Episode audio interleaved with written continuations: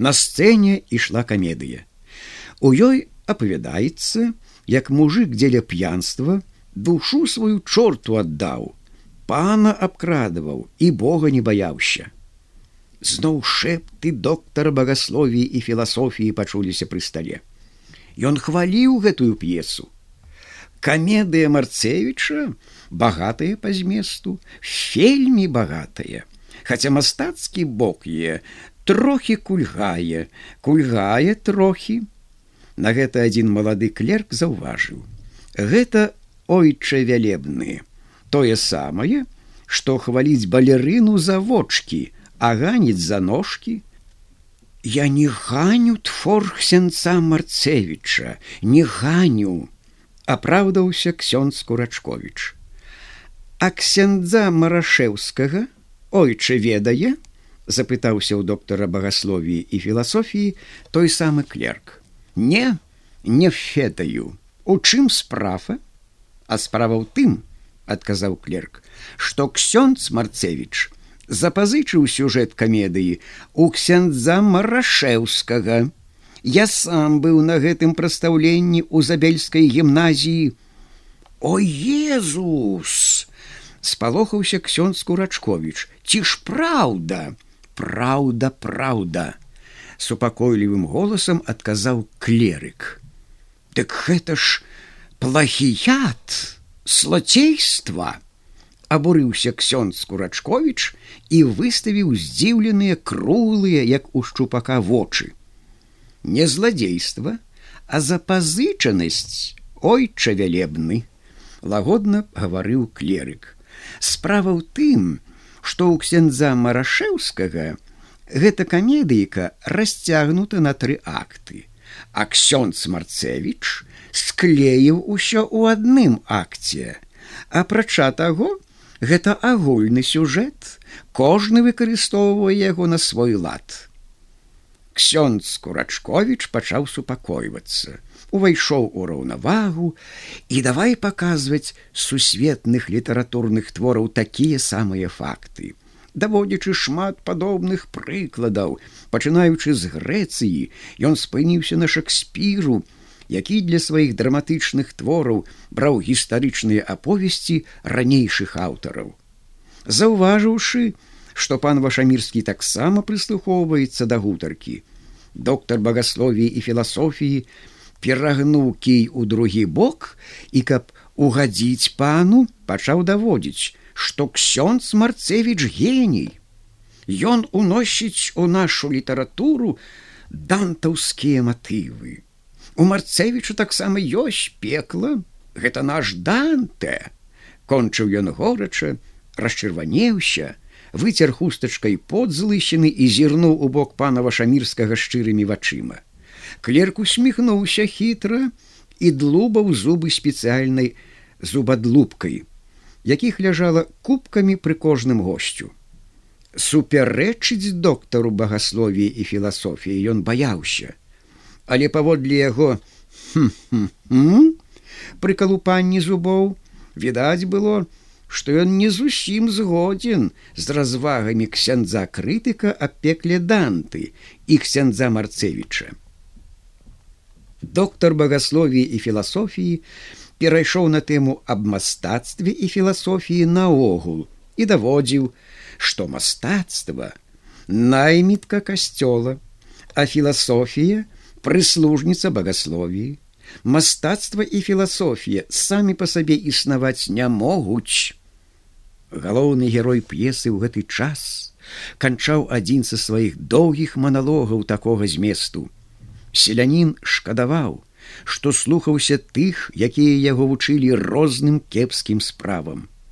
Кепскія людзі казалі, каб я быў няверным пану, абкрасці пана за грэх не мелі, гаварыў актор. Гэтыя людзі навучылі мяне красці ў пана пры маладзьбе збожжа і несці ў карчму на гарэлку. Яны вучылі, як панам адказаць, каб з віны выкруціцца, проклятае гэтае таварыства! З д'яблам я звязаўся. Гэта ж грэх перад богам! Гаварыў далей актор у роспачы і трос прыклеенай барадой. Ён разводзіў руками, пакорліва апусціўшы галаву, дэкламаваў трагічным голасам завучаныя фразы: А мы дзень на дзень, грашым і пакутаваць не хочам. Гэта-то прычына нашыя згубы, гэта ў пекла нас вядзе. Актор стагнаў пры апошніх словах і набожна лупіў вочы ва ўсе бакі. Вось гэта спрафітліва з хрысціянскага погляду. Смактаў свае ўласныя словы, нібы цукеркі, доктор багасловіі і філасофіі. Вось на што мастацтва. Вучыць люд і тэем пана Езуса. У адным з куткоў стола, дзе сядзела дробная шляхта, таксама вялася размова. На гэтых гасцей мала зварочвалася ўвагі. Яны былі ніжэйшага рангу, мала адукаваны і не ведалі добра панскіх этыкетаў і цырымоніі. Яны, не чакаўшы тостаў, самі частаваліся. З іх вызначаўся адзін шляхціц завішша. Гонарам сваім Ён лічыў адтапыраныя, як у таракана доўгія чорныя вусы. З вялікім форсам ён іх круціў, выцягваў, як з пружыны і вечна імі харахорыўся. Гэта не перашкаджала яму частаваць самога сябе выпіўкай.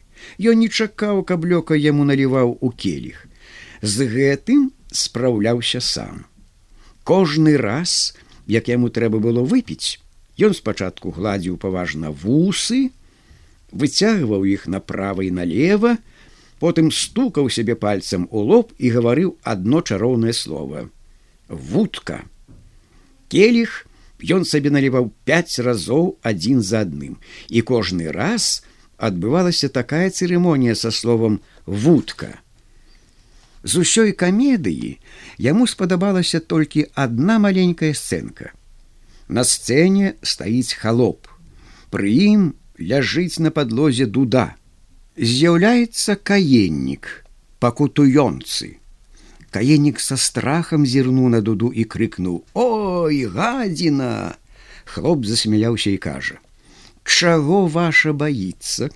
Ці не знаеш, што гэта ёсць? Не вем, адказвае каеннік. Гэта не гадзіна, гэта дуда руская, кажа хлоп, бярэ дуду ды грае. Шляхціц завішша вельмі захапіўся дудою. Сам заспяваў эх ты дудка моя ух я! Весялушка моя ух я! Гости паднялі пры гэтым шчыры рогат. Толькі некаторыя пані крывіліся маляванымі губкамі яны пачалі фэкаць у бок завішшы які не выкштальцаваны пачуўшы гэта шляхціц завішша пакруціў вусамі, пагрозна зірнуў ва ўсе бакі і пачаў дэкламаваць а польках доўгі верш сатыру, што пачынаецца такімі словамі. Ніводнай полькі тут не бачу. Вось гэта, мабыць, з Венецыі, а таю вопратцы з гішпанскай краіны, А вунь, напэўна, францужанка, а вось адна нідерландскі убор альбо фларэнтыйскі апранула шляхціц завіша доўга шаптаў гэты верш, у якім высмейваюцца чужаземныя ўбранні полек. Ён гаварыў як замову і воўкам паглядаў ва ўсе бакі. Загубіць яны рэч паспалітую, загубяць, буркнуў завіша свайму суседу. Паны дурным гонарам і распустай, аксяндзы фальшым і хцівасцю, Даль Бог загубяць злосна топоршчыліся вусы шляхціца завісшы Ён шаптаў на вуха суседу. Чытаў я одну гісторыйку як цезар нерон подпаліў рым сталіцу сваю дзеля ўласнай забавы тое самае робяць цяпер магнаты ў нас а хлоп горш быдла ў іх у магнатаў. Сусед спалохаўся азірнуўся па баках ці хто не чуў і прашипеў маўчы